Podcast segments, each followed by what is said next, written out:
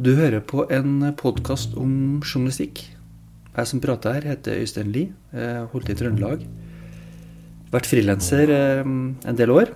Både skrivende og tar bilder. Dette er da podkasten for deg som er interessert i journalistikk. Som er litt sånn eh, nyfinken på hvordan de kommer fram til historiene sine. Hva er metodene, hva er knepene i hele tatt? Hvordan fortelles en god historie? Det er ment for eh, andre journalister, men også for eh, vanlige folk som er nysgjerrige på hva journalistikk er. Jeg har lært en del underveis, og det håper jeg du òg gjør. Så god lytt. Øystein Milli er krimsjef i VG. Det er han som kommenterer de store sakene. Det er når det har skjedd et drap, et ran, kidnapping eller andre muffins. Og det forbauser meg hver gang hvor mye han vet. Milli har lenge jobba i VG, men mange husker hun kanskje som programleder i Gåten Orderud, som ble sendt på NRK. I 2020 ga Millie ut boka Orderud, så det er kanskje ingen bombe å fortelle at vi også skal snakke om den saken. Det betyr at du skal høre godt etter, for da kan du lære noe som er veldig smart. Hør nå.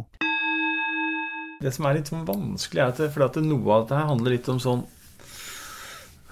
Det handler liksom litt om intuisjon òg, skjønner du. Det er så vanskelig å sette ord på det, for jeg ser jo noen som nese, liksom. Altså, og det er ikke Det kan du det har, Enten så har du det, eller så har du det ikke, på en måte. Det er litt sånn uh, Så det å kunne det, ikke sant. Altså Jeg hører jo folk som ikke kan Helt elementært, ikke sant. At du ikke bommer på hva er det tiltalte har forklart, ikke sant. Så er fyren sikta, ikke sant. Uh, hvis du spør en politijurist om at uh, Ja, hva har tiltalte forklart i avhør? Nei, men han er mistenkt. Ja, eller noen sikta, ikke sant. Ja. Altså, ja, nei, så må du begynne der, liksom. Ja, nei, det er ikke riktig det du sier. Det er, da har du liksom begynt på minus ti, da. Og det å liksom ha gode spørsmål, da. Men hvordan har du utvikla intuisjonen din, da? Et tips som jeg kan komme med, er at hvis du følger en sak så vil du sånn, og som går over litt tid, og hvor det er uklart hvem som har gjort og hva som har skjedd, og hvilke forbindelser som er der, så kan det jo hende at den saken per definisjon blir oppklart. da, At politiet pågriper noen, og det blir en rettssak. Og da pleier i hvert fall jeg å hente mye sånn nyttig informasjon som jeg kan ta med i neste runde igjen. Og bruke ganske mye tid på å følge med på den rettssaken. Også på ting som jeg kanskje ikke skal skrive om. Fordi det ikke er så, kanskje ikke er noen sak der, da, for å bruke det uttrykket. Men da får du fasiten. For da kommer politifolka. Da kommer krimteknikeren og sier akkurat hvordan man fant det og det sporet. Hvordan den og den var sånn og sånn. Da kommer eh, kanskje etterforskningslederen og sier at hvordan, etter, hvordan avhørene ble lagt opp, og når politiet, hvordan tilståelsen kom. Eh, altså, eh, og det kommer kanskje etterretningsfolk og forteller hvordan man henta inn info, eller hva det måtte være. Altså det, det, eller kommer en økonomiekspert og sier at vi lette sånn og sånn og sånn, og da fant vi dette her og her. Det har jeg bygd, det har jeg tatt med meg ganske mye på. Der ligger mange sånne grunnsteiner i den grunnmuren, men en av dem er jo på en måte å være i retten og reflektere over det. Ikke sant? Altså, ja, hvordan var det politiet løste dette her nå, da? Ikke sant? Eh, og så høre på det. Hele historien, kanskje, hvis du kan det, da. Eh, og så tar du med det neste gang og sier at 'Å ja, men jeg husker jo fra den saken'. Altså, Jeg veit ikke hvor mange ganger jeg har trukket veksler på gamle saker uh, i en ny sak. Fordi at Ja, sånn gjorde de der. Kan det være at de prøver seg på det igjen nå? At det kan være en metode i denne saken? Og da vil du kunne både se etter, stille spørsmål om, og være kanskje med nesa di eh, at eh, jo, det kan være sånn. Og da er det ikke så mye som skal til før du kan begynne å legge én og én sammen og få to, og lage deg en hypotese, og etter hvert kanskje nærme deg og få bekreftelsen du trenger for, å, for at det er en sak, eller for at du bare og, det, En ting er om du får en sak der, og det kan vel også være fornuftig å Selv om det ikke gir en sak, så vil du kunne være i en god posisjon når det smeller, da. De fleste han kjenner jeg som eh, krimjournalist og krimkommentator. Nå er du da krimkommentator. Mm. Men du ble mest kjent kanskje da du holdt med dere for NRK, det er Gåten Orderud. Mm. Og I utgangspunktet har jeg forstått det sånn at det var tan tanken var egentlig at du skulle bare lage en eh, tilbakeblikk 20 år etter. Mm. Men så eh, ble det noe mye mer. ta oss igjennom her hva som skjedde. Ja, nei, altså det var jo Starta vel tilbake i 2015, hvor jeg fikk en telefon fra eh, produksjonsselskapet Monster, eh, som jo lagde serien også da til slutt. Eh, med spørsmål om eh, hva jeg tenkte om eh, true crime-ideer. For da var nok true crime-bølgen på vei til Norge. Det var vel eh, ikke noen såkalte true crime-serier som eh, var lagd da. Det var jo lagd noen programmer her og der om krimsaker, men ikke, ikke, den, ikke det formatet vi kjenner det nå. Eh, og så eh, foreslo jeg Orderud-saken, for den har jo fascinert meg dypt eh, hele veien. Fra jeg fikk telefonen om at det lå tre døde mennesker på en gård i Sørumsand, eller på Sørumsand, og til, til dags dato. Og da foreslo jeg det, at det kunne være et, ja, en sak å gå løs på. Og så var det jo, som det alltid er i sånne prosesser, så er det jo en ganske mye ja, litt sånn eh, forprosjekt. eh, Man skal på en måte komme med konseptet, man skal finne formen på det. Mange ting medvirker, hvem gjør det? Hva slags materiale kan vi få tilgang til? Og det var nok kanskje noe av det som gjorde den serien eh, At den skiller seg ut fra en del andre, er jo at vi fikk jo en unik tilgang etter hvert til rettsopptakene som, som jeg fikk, fikk ut fra, fra lagmannsretten. Og så fikk vi også dokumentinnsyn, så vi fikk jo en veldig god grunnmur, da. Eh, Og, og, og også innhold. fordi at det er klart, de autentiske opptakene av rettssalen, de eh, er jo noe mange ikke har sett noe særlig før. Så det eh, gir jo en veldig sånn nærhet og god dokumentasjon på hva som skjedde i, i retten. Hvordan fikk dere ut det? da? Altså, Var det vanskelig? Eh, ja og nei. Altså, det var innsynsbegjæringer og argumentasjon. Eh, det jeg nok opplevde, var at eh, jeg starta rett på statsadvokatnivå når det gjaldt å få dokumentinnsyn, og fikk ja derfra. Men så opplevde jeg jo at politiet var veldig nærmest eh, satte seg opp mot avgjørelsen fra statsadvokaten og forsøkte å eh, ja, stille spørsmål ved hva vi skulle altså Ett spørsmål var jo sånn Ja, men dere har fått dokumentinnsyn. Dere skal ikke ha med dere dokumentene. Dere kan sitte her og lese. Men det ville bli håpløst for en redaksjon å skulle sitte på et politihus og lese hver gang vi skulle lese et politidokument, så måtte vi reise til eh, politihuset i Lillestrøm. Så vi måtte forbi den, og så var det liksom litt sånn Ja, det var litt eh, utfordringer der, men vi landa jo det til slutt. Eh, Det var jo ikke noe for så vidt tvil om at vi skulle få det. Så fikk vi det, og da så er det alltid sånn når man jobber med en dokumentar at man eh, man, man begynner jo på noe, og så tenker man å ha en tanke om hvordan det skal bli, og så blir det jo da, i hvert fall min erfaring, når du begynner på et stort prosjekt, så blir det stort sett aldri sånn som du har tenkt når du begynner med det. Det endrer seg underveis. Og det gjorde det for så vidt her òg på mange måter. Det kom jo noen nye spor som vi gikk opp. eh, og eh, ja. eh, og så etter hvert så, så tok det jo form, og så blei det jo det som til slutt folk der ute kjenner som Gåten Orderud, og som har vært en en serie som er sett av veldig mange nordmenn, eh, over en million. Eh, Så, så det var jo en eh, lærerik og inspirerende jobb å være med på. Hva lærte du? For det første lærte jeg jo mye TV. Jeg har jo jobba TV her i huset òg, altså VGTV, men ikke på den måten. Ikke, ikke for det første med hvordan man Ja, alt fra å eh, Hvordan man skal Altså dramaturgi, ikke i den forstand at man skal eh, ikke fastsette fakta, men hvordan man skal på en måte bygge opp historien, hvordan den skal fortelles, eh, hva som hører med hvor. Um, hvor nådeløst TV-mediet er når du skal fylle fem-seks timer med TV i forhold til bildetilfang. Uh, og så er det jo det å har jo jobba dypt og grundig med saker her, men eh, ironisk nok så hoppa jeg jo rett ut fra Gåten Ordre og inn i den saken som til, til, dags dato har jobba grundigst med. Eh, den kom jo rett etter Gåten Orderud var ferdig, nærmest på timen. Og det er jo Lørenskog-saken. Eh, men, men før den, så Det å gå inn i en sak uh, som Orderud, da, som lå mange år tilbake i tid, og hvor man skulle ta opp igjen alt det materialet og, og trenge inn i det og, og, foredle det, og både det gamle som var der, og sette det i en kontekst i 2018 og øh, jobbe så langsiktig med et prosjekt, det var jo litt nytt øh, for en nyhetsjournalist, øh, nyhetsmann, hode, som jeg har vært i alle år. Jobba veldig mye med løpende nyheter og selvfølgelig jobba dypt i de løpende nyhetene, men ikke sånn som dette, da. Så det var, var veldig mye. Og så er det jo det å kunne komme seg ut Det er et privilegium, for mitt vedkommende i hvert fall, å komme seg ut av eh, det vante miljøet man har gått i. Når jeg begynte å jobbe i Monster da på lånt utlån der, så hadde jeg jobba i VG i 16-17 år. Og det å da kunne komme ut i et annet eh, miljø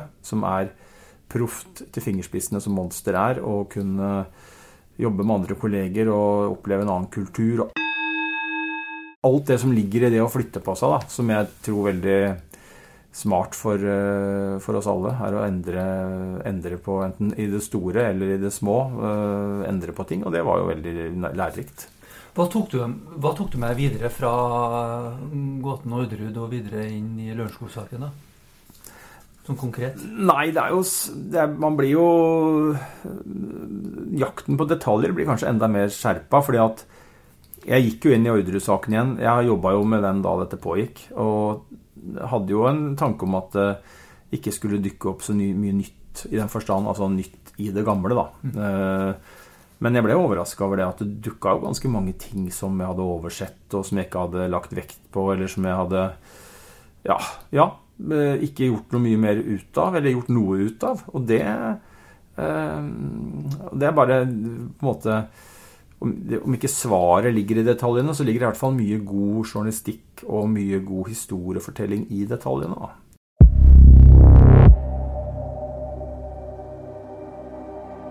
Eh, Ordresaken er jo ikke løst, sånn i den forstand at vi vet hvem som skjøt. men men jeg mener jo at i de detaljene som ligger i de saksdokumentene som vi da gikk gjennom, så fant vi mye, mange interessante ting. Du snakka litt om dramaturgi. Hva lærte du av dramaturgien fra TV-mediet? Det handler jo selvfølgelig om eh, struktur. Eh, jeg tror, veldig, jeg tror struktur er veldig viktig. Jeg tror, jeg tror leseren, lytteren, brukeren må henge med i strukturen og føle at du Uh, samtidig som du holder på den røde tråden, så, jeg, så, tror jeg det er viktig at man føler at du får også at det går sakte nok og grundig nok til at du får besvart de spørsmåla du har lurer på, sånn at du finner den, det grensesnittet mellom å bevege deg fremover, eh, samtidig som du eh, tar med deg refleksjon og det som måte, folk lurer på. Da. og det jeg skrev en bok eh, om Orderud-saken faktisk etter TV-serien. Noe jeg aldri trodde jeg skulle gjort. Når det, den forespørselen om å skrive bok kom fra, fra Erling Kagge, så, så, husker jeg bare, egentlig bare lyst til å skrive nei. Eh, takk skal du ha. Eh, aldri. Men, men eh, så var det jo sånn at det, jeg gjorde jo det etter hvert. Da ble jeg jo gira på å gjøre det. Og da trakk jeg jo med meg en del av de tinga fra jeg, jeg følte i hvert fall at det var jeg skulle begynne å skrive en bok, så følte jeg for så vidt at det på et, en måte var det en veldig sånn høyt hinder å hoppe over. da. Det var, Jeg hadde aldri gjort det før. og ja, jo, har skrevet noen lange artikler òg, men det er jo i store hele nyhetsjournalist som, som, leverer veldig mye på de korte formatene. Så det var litt sånn hva, Går dette bra? Men da var det veldig godt å ha den TV-erfaringa og kunne jobba med det prosjektet så lenge. Og så kunne jeg jo saken godt, for det, for det første, men også det å kunne lene seg på litt sånn det man hadde lært da gjennom de to åra vi jobba med Godt Nordre, gjorde at jeg, at jeg var faktisk, til tross for at jeg var veldig sånn utrygg og usikker og tenkte hvordan, hvordan blir dette, funker dette? Altså, jeg er min største kritiker ofte, da, så det er sånn type veldig lett å Men samtidig så følte jeg på en trygghet innerst inne som gjorde at jeg, som var god å ha. Du gikk jo fra liksom det der um, nyhetspoenget, altså pyramide med fallende viktighet, det er begrep som er viktig mm. i nyhetsjournalistikken. Mm. Eh, kanskje over til fisken eller Aristoteles, eller hva man kaller det. Altså, ja. Du forvandler deg litt som forteller, da, kanskje. Har du med deg det fortsatt? Du er, nå er du da krimkommentator?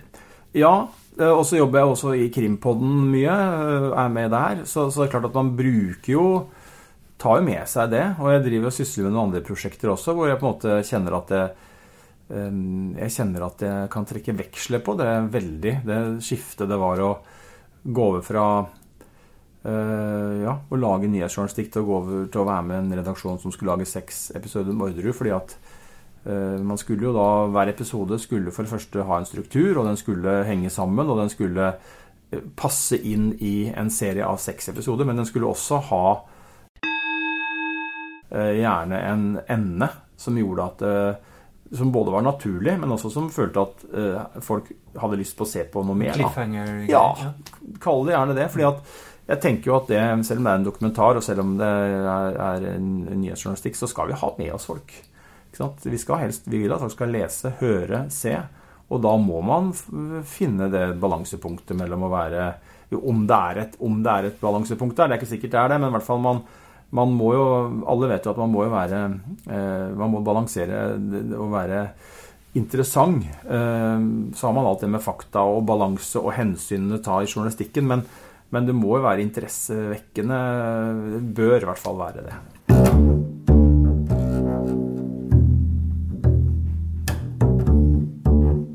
Gåten Orderud mm. forandra krimjournalistikken? Ja, jeg, jeg veit ikke om jeg som sa det, eller var noen som, eh, som skrev at den gjorde det. Men, men eh, den, den forandra jo krimjournalistikken på, i den forstand at det var første gang, så vidt jeg vet, i hvert fall, at man har fått gjennomslag for å få ut opptak fra retten. Eh, det har nok sikkert vært noen få situasjoner hvor man har fått enkelte lydklipp, enkelte ting. Og man har, også fått, man har jo sett før at man har fått overføringer fra innledningsforedrag, sluttprosedyrer. Det har jo vært noe mer av det nå enn det var. Men, men det at man fikk tilgang til hele opptaket, en hel rettssak altså, Vær så god, her har dere det var jo rent fysisk da noen sånne teipkassetter som vi fikk Eller en disk som jeg var oppe og henta. Det var ikke teipkassetter, det var en disk jeg var oppe og henta oppe på Hamar. Med hele rettssaken på. Så det endra jo Det er jo noe nytt. Og nå bringer jo folk mye nærmere eh, Altså vi journalister vi er jo glad i å fortelle og beskrive og holde på, men det er klart det beste er jo eh, for lytteren er jo for å kunne bli med inn, og ikke at jeg skal være et filter mellom. Eh, så sa den det, og så gjorde den det, og så klubba den og sa det. ikke sant? At du kan få se det sjøl. Så det var én ting. Og så var det jo også sånn at det var jo ikke veldig Det forekom jo, men det skjer mye der òg. Har skjedd mye siden den gang. Men det var vel også en av de første gangene hvor man fikk fullt dokumentinnsyn. Eller ikke første gangene men, men, jo, ja, det kan hende var det faktisk òg. Det var jo ikke sånn, det med å få dokumentinnsyn i gamle straffesaker, det er jo en sånn journalistisk kamp som har pågått over tid, og som jeg føler har skjedd mye de siste åra. Eh, men som også var, eh, som jeg opplevde i hvert fall, Orderud var jo en av de, en av de hvor, i hvert fall for mitt vedkommende, og jeg tror også sånn i i VG-sammenheng så kan jeg ikke huske at vi har fått så veldig mange innsyn uh, i, i, saker uh, på den måten. Ja, vi har fått tak i straffesaksdokumenter, men det har gjerne skjedd på andre måter. Det å gå offentlig til verks og kreve de utlevert, eller be de utlevert fra, uh, på offisielt vis, det har vært litt mindre vanlig. Så det er jo sånn viktige viktige barrierer for, for, journalistikken generelt, og krimjournalistikken spesielt. Og det er jo det er noe vi jobber for, og som er viktig. Og fortsatt er, er, det mye å gå på der. Men det er klart at det å få Og nå er det jo heldigvis utredninger på gang som kan gi oss uh, mer uh, krav på dokumenter, krav på innsyn. Men, men det er jo en evig kamp, uh, som sagt generelt, men også i krimjournalistikken spesielt. Det å få, få tilgang til dokumenter. Få tilgang til informasjon. På et tidspunkt, i hvert fall. Hvis det skjer noe nå til, da, du får melding på telefonen din at nå skjer det store ting. Mm. Hvordan kan man skaffe pålitelig informasjon i sanntid, da, kan man si? Som ikke bare er politikilder? Nei, da ville jeg jo ha satt meg ned når jeg på en måte hadde gjort ferdig den første liksom, Skal begynne å ha trukket pusten, da. Nyheten er ute, om man har trukket pusten. Hva nå? Så hadde jeg satt meg ned og satt, lagd en liste over alle som jeg kan komme på som har en berøring med denne saken. Eh, direkte eller indirekte. Og så ville jeg ha eh, satt opp den lista, og så ville jeg ha tenkt at disse folka skal jeg eh, ringe og prate med jevnlig. Og eh, forsøke å hente informasjon fra. Og da er det jo mye sånn Det er jo mye sånn Det er mange, hva skal jeg si, det er mange myter om krimjournalistikken. En av dem er jo sånn type at eh, det kommer en eller annen eh, ja, Kanskje en, en myte er at det kan komme en politimann med en ryggsekk, liksom. Og så eh, der, oppi der så ligger det en skattkiste med dokumenter, og så det får en journalist det, og så blir det liksom en sak, eller hva det måtte bli. Men det er jo ikke sånn stort sett min erfaring at det fungerer. Det er, det er ofte, eller veldig ofte, alltid et puslespill. Altså det er sånn Når er det man har én kilde. Det jo, for det første er jo ikke det bra som sådan, men ei heller altså, Man kunne jo tenke seg at det kunne være mulig dersom det bare kom et lass inn. noen leverte en, en pall nede i VG-vakta med, med, med, med straffesaksdokumenter og sagt vær så god. Men, men, det er jo ikke sånn det fungerer. Det er et møysommelig arbeid. Du må være kreativ, systematisk. det hjelper å ha kunnskap på mange måter. Både for å finne veiene sjøl, men også det å Overfor kildene så er min erfaring at hvis du, hvis du viser at du, du veit litt hva du holder på med, så får du mye mer igjen. Og Det er på en måte veldig, det er gratis og enkelt, og det er bare å lese opp. Det fins masse muligheter for det for unge krimjournalister, eller eldre òg, for den saks skyld. Og, og, og, ikke minst, for det er jo noe av kunsten nå, tenker jeg, å på en måte fornye seg og være hele tida lysten på å lære noe nytt og henge med. Uh, få ny kunnskap om hvordan ting fungerer. For det er jo ingenting som står stille i samfunnet, ei heller krimjournalistikken, og ikke politiarbeidet heller. Men, men, hva skal du lese, da? Nei, jeg vil lese Jeg ville lest Jeg ville kunne sånn type um, enkle ting som om uh, Hvis man begynner helt på basics som krimreporter. Altså hva er kravet for å være en siktelse? Hva skal til for at politiet skal kunne avlytte deg? Eh, straffeprosess.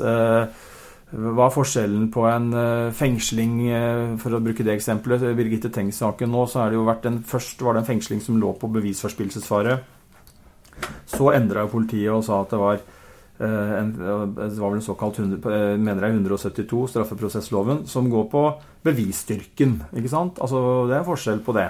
Da har man gått fra å si at vi har behov for å ha deg i fengsel fordi at du kan ødelegge bevis, og da er kravet 50% eller pluss sannsynlighet, altså skjellig grunn til mistanke. Men så kom politiet med et nytt grunnlag og sa at man påberopte at det var så mange tunge bevis at man kunne fengsle etter den 172. Som, øh, der, og da kreves det at du liksom skal ha veldig tunge bevis, og at øh, det er ikke bevisforspillelsesfare lenger som er grunnlaget. Så kunne sånne ting, altså ja, mistanke, siktelse, tiltale. Hva skal til for en liksom, dom? Hvorfor kan du bli dømt til erstatning, men frikjent for straff? Eh, Lex også tenks. Ja, og kunne litt om Kunne litt både om advokatfaget og politifaget. Det tror jeg er veldig lurt. Du nevnte ordet kreativ òg. Mm. Ja, det er mange situasjoner hvor vi har vært På en måte kreativiteten har har vært viktig. Og det er jo alt fra å finne ut av hva politiet gjør, komme seg et sted hvor du kan sikre deg nyhetspoenger og gode bilder. Altså, uh, en episode jeg kan nevne, som jeg snakka om i forrige uke i, en sånn Krimpodden-opplegg, er en sak fra langt tilbake i tid, men fra, fra Son, hvor det var et drap, og, og hvor vi forsøkte å finne ut hva som skjedde. Eh, og oppdaga en morgen at lensmannskontoret var det veldig mange som skulle ut på tur. De pakka biler, og det skilte seg veldig da fra de andre morgenene utenfor lensmannskontoret, hvor folk gikk inn og ble borte, sannsynligvis på et morgenmøte. Men denne dagen så begynte folk å svirre rundt som uh, uh, bare det ute på gårdsplassen. Og så dro de av gårde. Og så uh, la vi oss bare pent og pyntelig bak, liksom. Uten at det var noe Ja, det gikk jo pent og pyntelig og i fartsgrensen og ikke noe problem med det. Men så blei vi faktisk rista av da, eh, på et punkt hvor politiet nok skjønte at pressen var på hjul og ville ha oss vekk. Så de, de kjørte bare fra oss, og vi kunne jo ikke begynne å bryte noen fartsgrenser. Så det var bare å glemme det. Um, og så uh, Hva nå? Nei, vi kjørte noe videre sørover E6-en, og så fikk vi øye på den ene sivile politibilen på taket på Mosseporten kjøpesenter. Og så tenkte vi at ok, da får vi jo se hva som skjer nå. Og så kom de ned igjen, kjørte inn på et svært industriområde.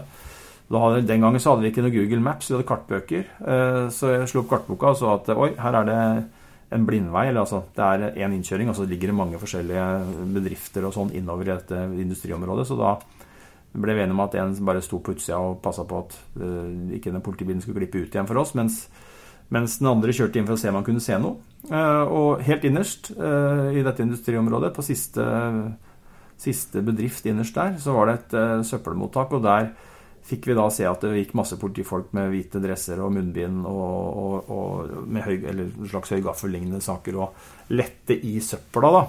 Og de jakta da på drapsmannens sko.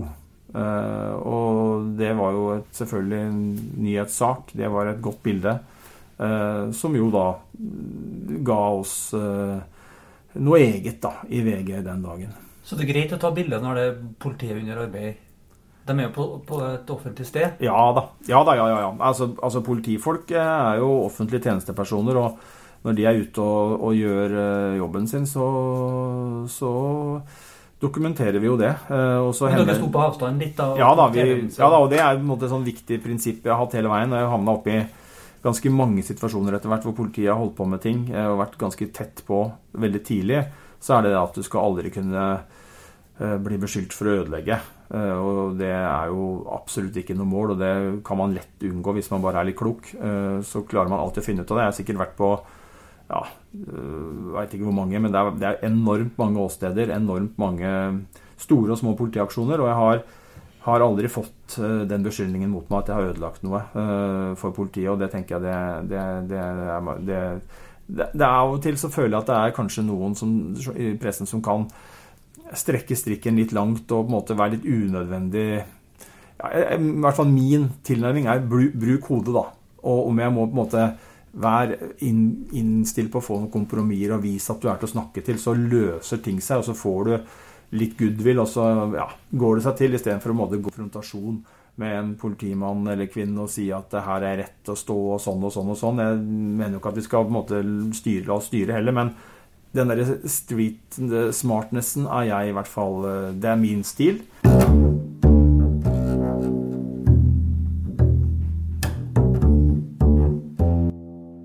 VG var jo ja, på, skal vi si, på pletten da Tom Hagen ble pågrepet. Mm. Og det todelt spørsmålet er Altså, hvordan visste dere at det skjedde? Mm. Hvordan dere jobba fram til det? Mm. Og så vurderinga underveis her. Du ja. var jo ikke på Var du på selve stedet? Forresten? Ja, jeg var det. Ja, du var det, okay. ja, jeg var det. Ja, for jeg husker den filmen. Så. Ja, ja, og jeg var det. Og når jeg akkurat Det var ikke du som filma det? var liksom husker Nei, og når jeg fullfører det, på en måte jeg sa at vi aldri ødelagt for politiet, så vil det nok øh, være noen som iler til å si at øh, i Lørenskog-saken, om du nevner den, så var det sånn at nok politiet, uten at de har Jeg vet ikke om de har bekrefta det åpent eller ikke åpent, eller, men inntrykket, eller det som jo blir sagt, da, er jo at fordi at vi var der, så ble pågripelsen litt annerledes enn den skulle. Eh, jeg mener jo ikke at vi ødela noe, for Tom Hagen ble jo pågrepet, og ingen ble skadd, og dette gikk bra. Men, men bare, så, bare så for redelighetens skyld så tenker jeg at jeg skal si at at uh, fordi at VG var til stede, så sies det at politiet valgte en annen tilnærming. Det var derfor denne beredskapstroppen og denne stoppinga på veien ble en realitet. Planen var visstnok at man skulle ta han stille og rolig utafor postkassa på morgenen. Men, men, det valgte politiet fordi de oppdaga at VG var ute. Uh, å gjøre om. nei, altså hvorfor vi var der, det, det, kan jeg jo ikke gå i detalj på. Men, men vi har jo vært på steder før. vi har vært jeg var sjøl i Bergen når lommemannen ble tatt, eh, på plass utafor og, og, så på det. Eh, vi var på Utøya når eh, Anders Behring Breiving var tilbake igjen for å rekonstruere, rekonstruere sine brutale, forferdelige ugjerninger. Og vi var der når Tom Hagen ble tatt, i hvert fall i nærheten. Og det handler jo om når vi, som jeg sa, når vi jobber dypt med en sak, og vi jobber grundig, og vi forsøker å altså, Da har vi på en måte alle følehorn eh, ute og i eh, beredskap og på jobb. Eh, samler inn all den informasjonen som kan tilflyte oss. Og så prøver vi å danne oss et bilde av hva, hva skjer nå, hva kan skje, hva er status. Og da pleier jeg å si det sånn at ut fra de opplysningene vi hadde samla sett, så hadde vi grunn til å tro at, at det kunne skje noe. Og at politiet kunne komme til å pågripe Tom Hagen. Og derfor så var vi da ute den uh, aprilmorgen i 2020 med en del VG-folk for å forsøke å dokumentere en historisk nyhetshendelse. Vi var nøye på at vi skulle gjøre på plass og, og gjøre, dokumentere det, men at vi skulle Uh, unngå så langt uh, som mulig for det første å bli sett. Det klarte vi jo ikke, men at vi uansett skulle aldri under noen omstendighet komme i en situasjon hvor VG ble en aktør i den forstand at vi ødela noe eller satte noe eh, i spill. Hvor langt unna var dere da? Pågripelsen? Nei, vi var jo ikke langt unna, men vi, vi, var jo ikke der hvor det skjedde. For det, vi har jo ikke det, Der forteller jo bildene på si, sitt eh, entydige språk. Altså, vi var veldig tett på, men vi var Uh, dette skjedde jo like ved der han bodde, og det er jo ikke noe lang avstand mellom arbeidsplassen hans og hjemmet hans. Så, så, så, det var ikke sånn at vi måtte ha Men vi hadde noen utstasjonert da her og der, og så fikk vi da Det er jo opptak av dette hvor jeg sitter i en bil, og vi, vi får beskjed om at noe skjer, og så er vi på vei inn, og så er vi det kanskje halvt minutt etterpå, da. Uh, når det skjer en kriminell handling, så skjer det jo på et sted. Mm. Hvor viktig er det å få innblikk i hvordan stedet er, og omgivelsene og bygningene og terrenget? Det er jo veldig viktig, og så er det litt sånn varierende for meg, da. Så er det veldig viktig eh, å, å komme ut til de stedene jeg skal snakke om eller mene om, eller eh, ja. Eh, ja. For det handler om å Du kan sitte og se på det på, så mye du orker på bilder og kart og alt mulig rart, men det er helt noe annet å være ute og ta det inn. Eh, liksom eh, oppleve det fra ulike Gå rundt og se litt herfra litt derfra. altså Sitte og navigere på en dataskjerm eh, ikke bra nok for meg. Eh, jeg vil gjerne ut på, på måte, ja, ta det inn. Fordi at Det er klart at det gir jo ikke noe sånn Jeg kan ikke si at det gir noe sånn wow, det. Men, men jeg bare føler det veldig sånn sterkt behov for det. da, Å kunne være ute. Og jeg er ofte mange ganger ute. òg. Lørenskog mange mange ganger og gått rundt eh, Langvannet der og inn gangveien og sett på eh, gjerdene rundt eh, Sloraveien 4, hvor langt ned mot vannet det gjerdet går, for det går ikke helt ned. Kan man ha kommet inn denne veien? Kan man ha gått denne veien? Hvilke naboer er det som ser noe fra dette perspektivet? Hvor er det du kan følge med Hagens hus uten å bli sett? Er det mulig? Hvis det var noen som spana på dem? Altså, det er Ja. Det, det, er noe, det er noe min metode.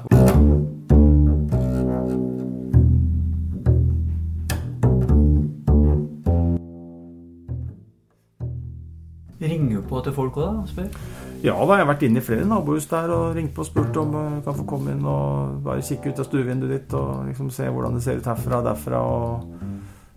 uh, Det er jo også et tips, da, hvis jeg skal komme med enda et, er jo det å snakke med folk. Eh, og det å tenke at eh, det er bedre å snakke med en for mye enn en for lite. Og ikke, hvis du er i tvil sånn Ja, men kan han vite noe, eller kan hun vite noe da? Ikke la det være et ubesvart spørsmål. Finn det ut. Ring, kontakt vedkommende. Og, og jeg har mange ganger, altså. Man kommer over ting som man tenker at ja, men dette Her er det vel ikke noe, ikke sant? Og så er det en person som sitter på informasjon som bare Wow! Dette var viktig. Så det er eh, det er og det der å kunne lese da litt hvordan folk er, og kunne prøve å treffe en samtale Finne en, ja, skal jeg si, finne en måte å kommunisere med folk på, da. Er, for det er jo forskjellig hva som Folk er veldig forskjellige, og noen øh, En metode som, øh, som en form for samtale som fungerer med deg, det bør ikke fungere med den som kommer inn her neste gang. Så det er litt sånn prøve å finne ut det. Og så er det å, det å skape tillit. Altså sånn, det er sånn både, Og det gjelder overfor om det er uh, Anne nabo, eller om det er Kåre politi, eller hvem det måtte være. Så tenker jeg det å, det å på en måte at de skal gjerne både kjenne litt, ha en oppfatning om hvem jeg er og hva jeg står for, og på en måte stole på meg. Da. Det tenker jeg er viktig. Hvordan bygger du tillit, da? Nei, det er jo ved å eh, Altså, det er jo ved å være eh, Noen ganger så kan det jo være ved å være litt åpen i den, i den grad du kan. Altså, det er jo en del ting du ikke kan si nå, men det å, det å på en måte For det, for det å på en måte å skulle ha en dialog hvor du bare forventer at jeg skal fortelle, eller du skal fortelle meg ting. Ikke sant? Jeg skal bare sitte og du skal bare ta imot. Det er ikke så lett alltid. Så det blir jo I noen settinger så er det jo mulig på en måte å være ja, ha en samtale og være åpen, i anførselstegn. Så er det jo selvfølgelig, som jeg sa, mange ting du ikke kan si noen ting om. om alt dette med altså, kildevern og informasjon som ikke er bekreftet. Alt det der er jo selvsagt, selvfølgelig, som du ikke skal si noe om, og ikke sier noe om. Men, men, eh, men det er det, og så er det det å Som jeg var inne på, det å ha, det å ha kunnskap. Uh, enten om saken, Eh, om det vedkommende er interessert i, eh, eller altså om fag. Eh, det er viktig. For jeg er helt, altså, og det merker vi som journalister. Ikke sant? Det er i hvert fall jeg som da blir intervjua noen ganger nå, da. så merker jeg veldig at jeg er veldig på Jeg lurer på hvis det kommer en som er for meg en ny bekjentskap, så, så, vurderer jeg alltid det. Hvem er du? Hva står du for? Hvor vil du? Hva, skal, altså, hva er din greie, liksom? Det, det gjør jeg jo. Den skanninga går jo. Fordi at det handler jo om uh, min trygghet som intervjuobjekt på hva jeg blir speila som, og hvordan, hvordan, jeg blir referert og sitert. Og ja, skal jeg be om sitatsjekk? Skal jeg ikke be om sitatsjekk? Sånne ting. Og det går på den Det er jo veldig den som sitter andre siden, på andre sida av bordet, som styrer meg da, eh, og mine tanker og refleksjoner rundt det. Så, Sender du sitatene da til de altså vitner eller til andre Ja, altså det, jeg er veldig sånn uh, Altså, sitatsjekk får jo folk å tenke at det er eh, Og særlig, særlig de som uh, er utrente, bruker jeg ofte veldig mye tid på å på forklare kontekst og uh, Det blir sånn, og det blir sånn, og da tenker jeg at du må være klar over dette. og jeg vil at du skal vite at det er sånn, og det kan bli oppfatta på den måten. Altså, jeg tenker at det er, For meg er det en veldig viktig del av jobben. er jo å ivareta særlig de, da, de utrente kildene, da, som jeg som ofte skal fortelle noe som er, ja, kan være belastende, eller som kan være tungt. At du skal vite litt uh, Jeg skal kunne se meg i speilet og si at uh, om det blir ubehagelig, om det blir en påkjenning, så, så, tenker jeg at hvis jeg ser meg i speilet og tenker at dette visste du jo, men du sa det ikke til vedkommende Der kunne du ha forberedt noen på noe, og du gjorde det ikke. Har ikke jeg noen god følelse, altså.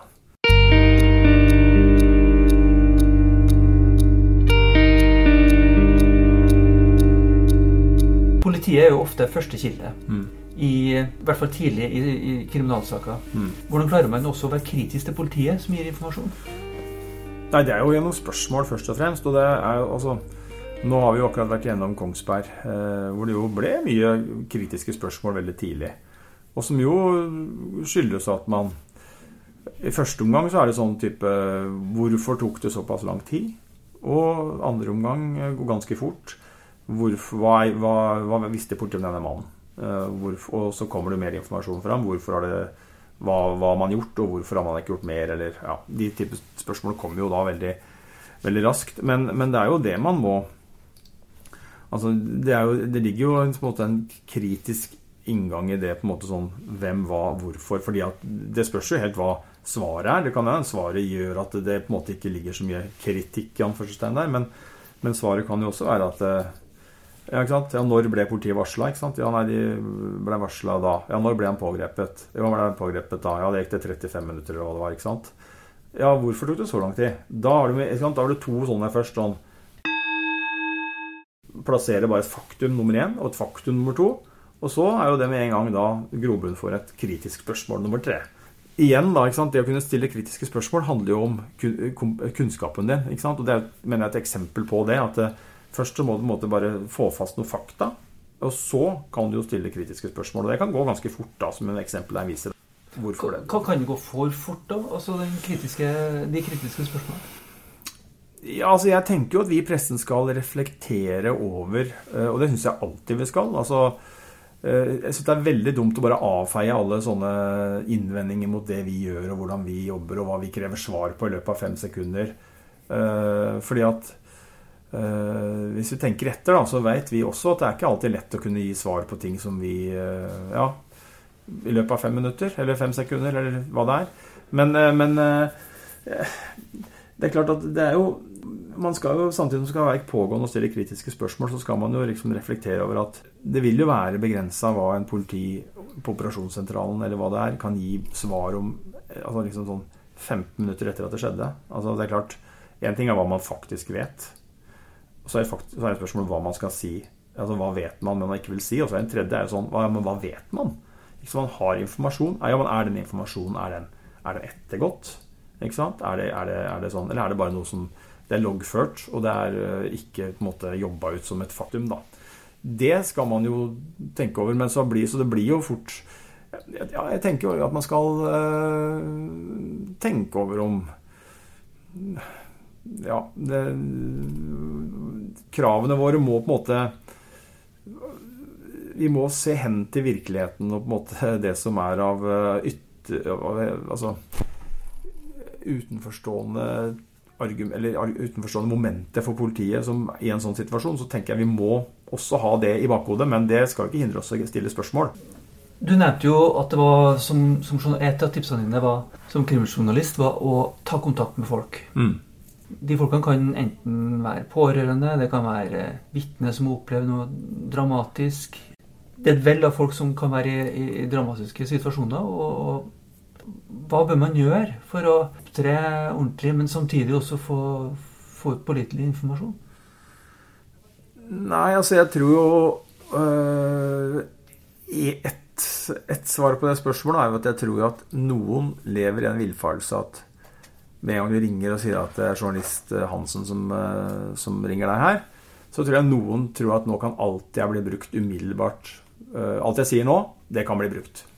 Så jeg tror det er viktig å på en måte si med en gang at øh, Nå ringer jeg deg. øh, bare for å si det med en gang at det vi snakker om nå, det er ikke sånn at det kommer ut øh, umiddelbart. Nå er vi liksom på en bakgrunn, og, og, hvis vi skal sitere deg, så blir det gått gjennom og fortelle hva, hva, det er, og hvordan det skjer, og konteksten på det. For det, man kan nok fort Jeg tror vi journalister fort kan på en måte tenke at det tar folk som en selvfølge at men husk på det at det ringer noen og sier at det er journalist eh, fra NRK eller VG eller Altaposten eller Fevennen. Det kan være ganske sånn for en vanlig eh, mann eller kvinne, og som kanskje også syns at ja, har opplevd noe som enten er at du har gjort noe gærent, eller at du har, eh, er i en emosjonell vanskelig situasjon. Eller bare det å få en journalist som ringer deg, kan jo være ja, at du blir usikker, da. Så jeg tenker det å få liksom veldig sånn prøve å få sånn si at vet du, nå, jeg ringer bare nå for å høre. Ta den ned. Ikke og så, og så legge frem enkelt og greit og rolig hva man lurer på. Hva man tenker. Og det kan jo være alt fra å få bakgrunnsinformasjon det kan være, Og det kan jo være liksom greit å kanskje på en måte høre hva Jeg lurer på hva du veit om han Aksel Hansen, ikke sant. Og så, ja, ja, så snakker vedkommende om det, og så har du kanskje noen spørsmål om har du hørt om at noe sånt skal ha skjedd. Har du hatt kjennskap til at han har hatt kjennskap til eh, denne mannen og denne kvinnen og denne, dette miljøet, eller hva det måtte være.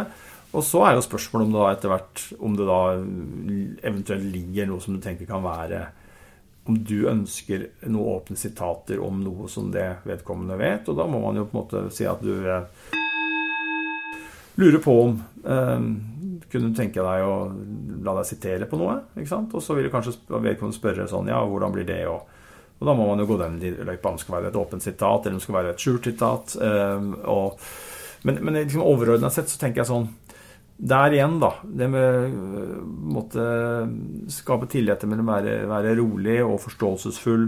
Uh, bruke tid. Uh, og være til å stole på at du viser at det, at uh, ja, det du, hvis du har sagt noe, så har du sagt det. Og da nytter det ikke å på en måte begynne å gjøre om på det uten videre, uten at du gjør det i, i eventuelt samråd med den du snakker med.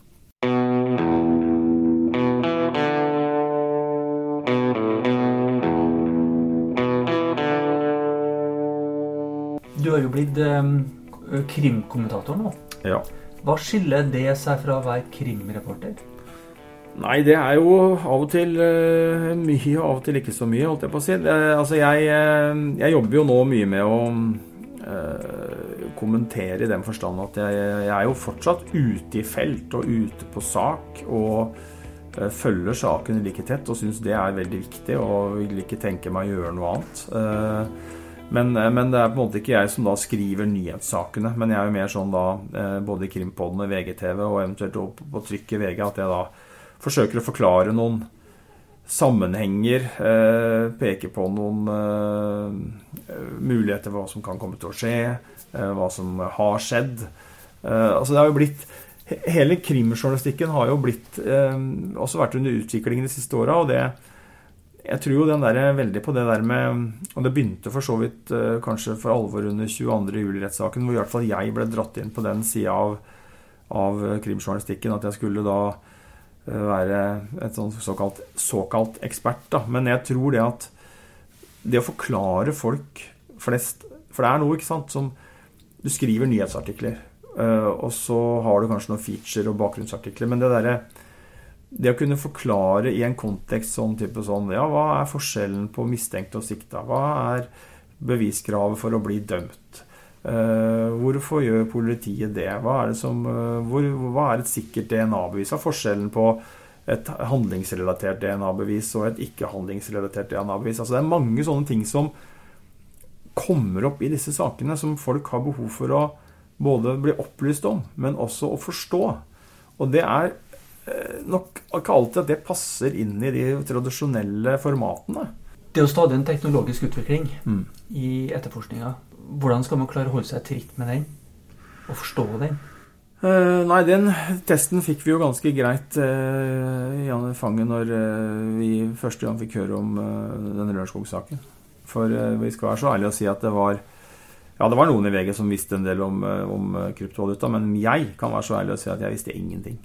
Så noen sa bitcoin til meg så, og Monero, da, så visste jo ikke jeg altså, hva er dette for noe. Hva, så måtte jeg begynne å lese meg på det. Og det eh, burde man sikkert ha gjort før den saken kom, fordi da var det jo allerede tegn til at kriminalitet ble knytta til disse kryptovalutaene. Men, eh, men, det handler jo om å Altså det handler om å være ute og prate med altså For min egen del, altså snakke med politifolk og advokater og politijurister og dommere og statsadvokater, hva det måtte være. fordi at det, Du må huske på at eh, politiet har taushetsplikt, ja, om selvfølgelig personopplysninger og enkeltsaker og sånn, men, men, det er jo ikke noe sånn det er jo ikke noe problem å på en måte snakke med en etterforsker eller en eh, spaner om generelle ting.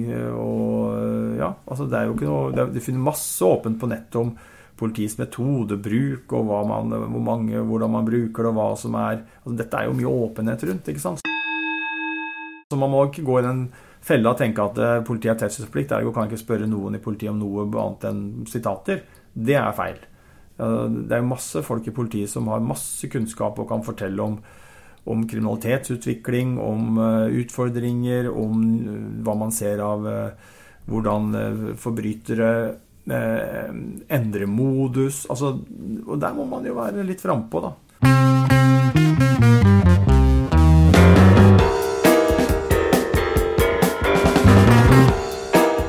Grunnmuren Når det skjer en sak, så må grunnmuren din være så høy som mulig. For at jo høyere grunnmuren er, jo bedre kan det huset da, som blir den saken, eh, på den grunnmuren bli. Og hvis du da har hvis du da skal begynne å spa eh, altså Du er så dårlig forberedt som krimreporter at du skal begynne å spa eh, liksom grave ut tomta, så er det ganske langt opp for å få det huset så høyt som naboen din, da, i konkurrerende medie, som da har sørga for å mm, vite så mye som mulig. Så for meg så er det, liksom, det, er, det er to ting. Det ene ting er sakskunnskap og ting som rører seg rett inn i saken, som selvfølgelig er gull verdt. Men jammen meg kan du komme ganske langt på bare kunne tilegne deg tilgjengelig informasjon om både hvordan man analyserer, prøver, hvordan avhør pågår, hva som skjer nå. altså Alt det som du kan bare det, det kan du bare fikse. Og sørg for å gjøre det, i hvert fall. Så er den grunnmuren din så høy som mulig når du skal begynne å bygge et hus, hvis huset er en sak. Så, og, så, og så tenker jeg også at det hvis du er i den posisjonen at du kan få tak i straffesaksdokumenter, og nå er det mulig å søke innsyn og få innsyn i gamle avslutta saker, det å på en måte lese seg gjennom en etterforskning av litt størrelse, og se hvordan politiet jobber, og hvordan, man, hvordan avhørene bygges opp, øh, hvordan hvilke Nesten metoderapport, som journalister ja, lager? Ja. Eh, eh, ja. Og, og, det er liksom så lærerikt. Altså sånn type sånn Ja. Øh, hva, hvordan er avhørene bygd opp? Hva skrives av egenrapporter? Hvordan ser åstedsrapporten ut? Altså, hvordan er dette her eh, Hvordan er den etterforskninga bygd opp, og hvor, hvor, ja, hvordan jobber politiet? For det er klart, det er jo et stort spørsmål. Hvordan jobber politiet? Det er som alt annet. altså Jo mer du vet, jo mer du har tenkt og reflektert, jo bedre blir du rusta til å på en måte gå i de retningene hvor du kan finne noe som har verdi for deg som journalist.